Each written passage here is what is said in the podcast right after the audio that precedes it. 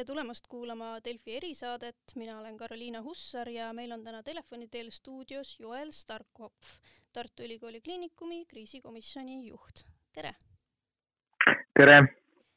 tänastes koroonanumbrites vaatas äh, taas kord vastu kurb rekord. Äh, nimelt on haiglates üle Eesti koroonaviirusega nakatunud inimesi seitsesada kakskümmend viis. Te olite nüüd äh, kuu aega tagasi siin Delfi erisaates ja kirjeldasite üpriski täpselt seda pilti, mis praegu haiglates avaneb. et kas teil on praegu ka mingisuguseid prognoose selle kohta, et, et kas see seitsesada kakskümmend viis võib jääda rekordiks või jõuame me lähiajal ka sinna, ütleme, kahesaja kant-, kaheksasaja kanti?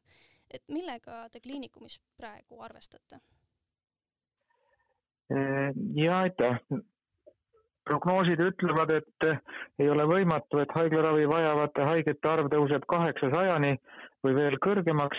noh, kuigi see äh, prognoosi, prognoosimine on ebatäpne tegevus, nii nagu iga ennustamine. nii see loomulikult, sisimas loodame, et nii kõrgele me nende numbritega ei jõua, aga päris välistada seda ei saa Äh, me praeguses hetkes noh,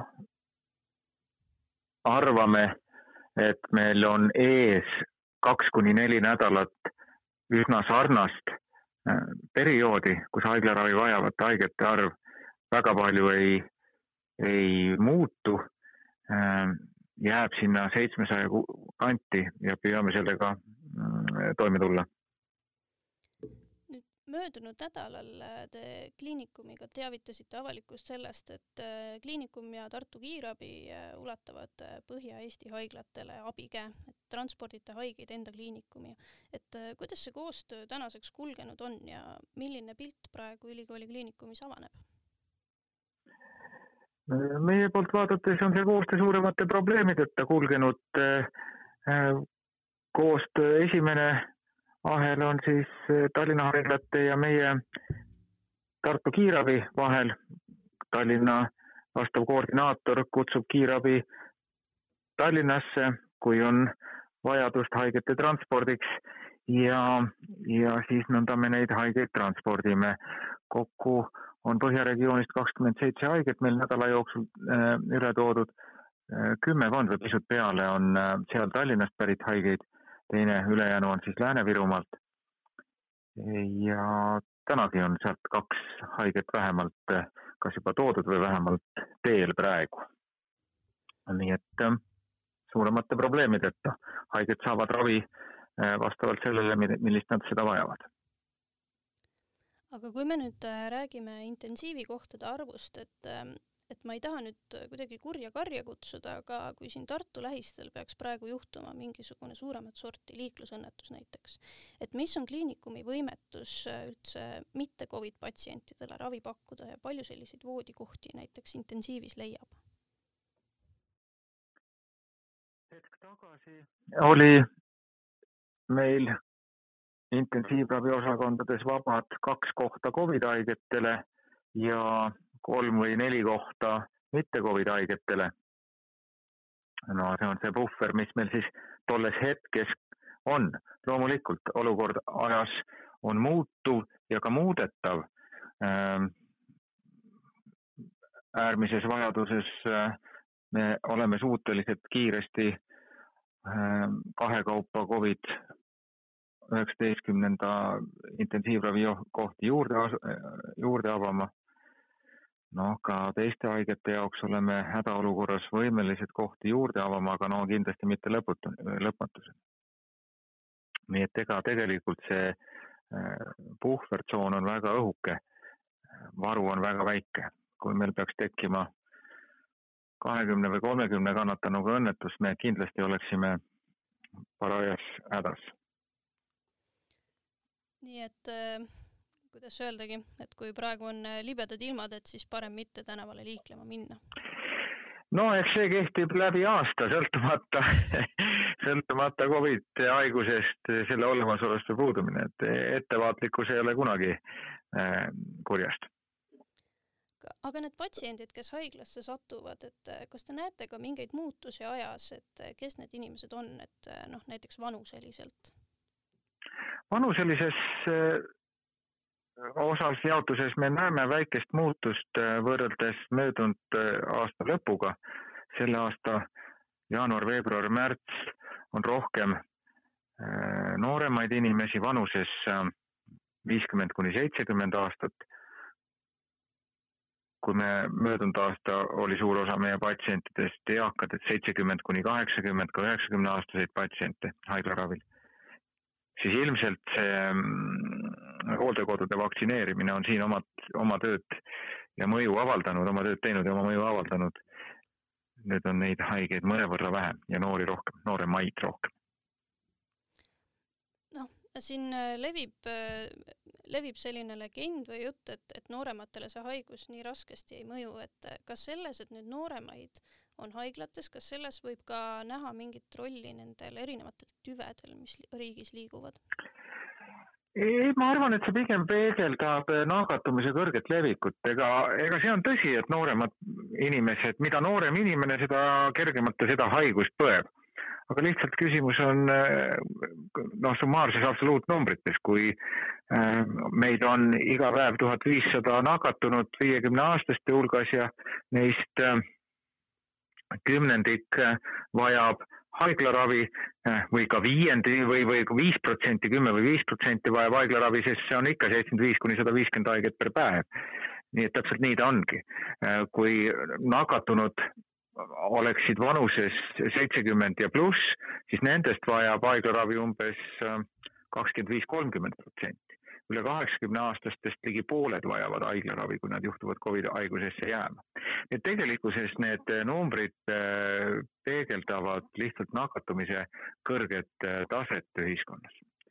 Need haiged, keda me näeme haiglas mm. -hmm natuke tervishoiutöötajate teemal ka, et siin Eesti Õdede Liit tegi äh, möödunud nädalal äh, sellise pöördumise, et kui nüüd kriis peaks läbi saama, siis tõenäoliselt on näha nende lahkumist äh, tervishoiusüsteemist et äh, kuna esiteks äh, noh, nad väidavad, et ei ole suudetud lahendada struktuurset õdede puudust ja, ja õdedele tundub ka, et kollektiivlepingu läbirääkimistes ei ole näha mingisuguseid arenguid.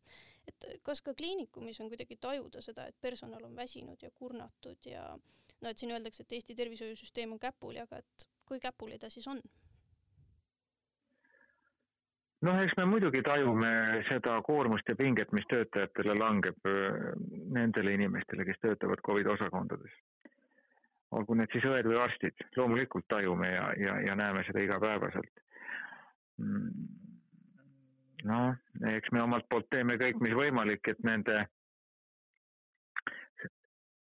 tehtud tööd tunnustada, et seda märgata, et muuta see töötamine nii vastuvõetavaks, kui see vähegi võimalik on antud olukorras aga mõistetav on, et, et see on ülekoormuse tingimustes, inimesed teevad palju ületunde ja, ja selles mõttes olukord on pingeline, ega tuleb möönda.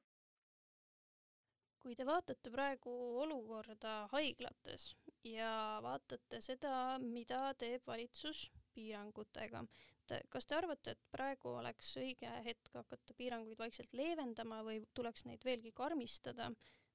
mis teie selline vaade on sellele küsimusele?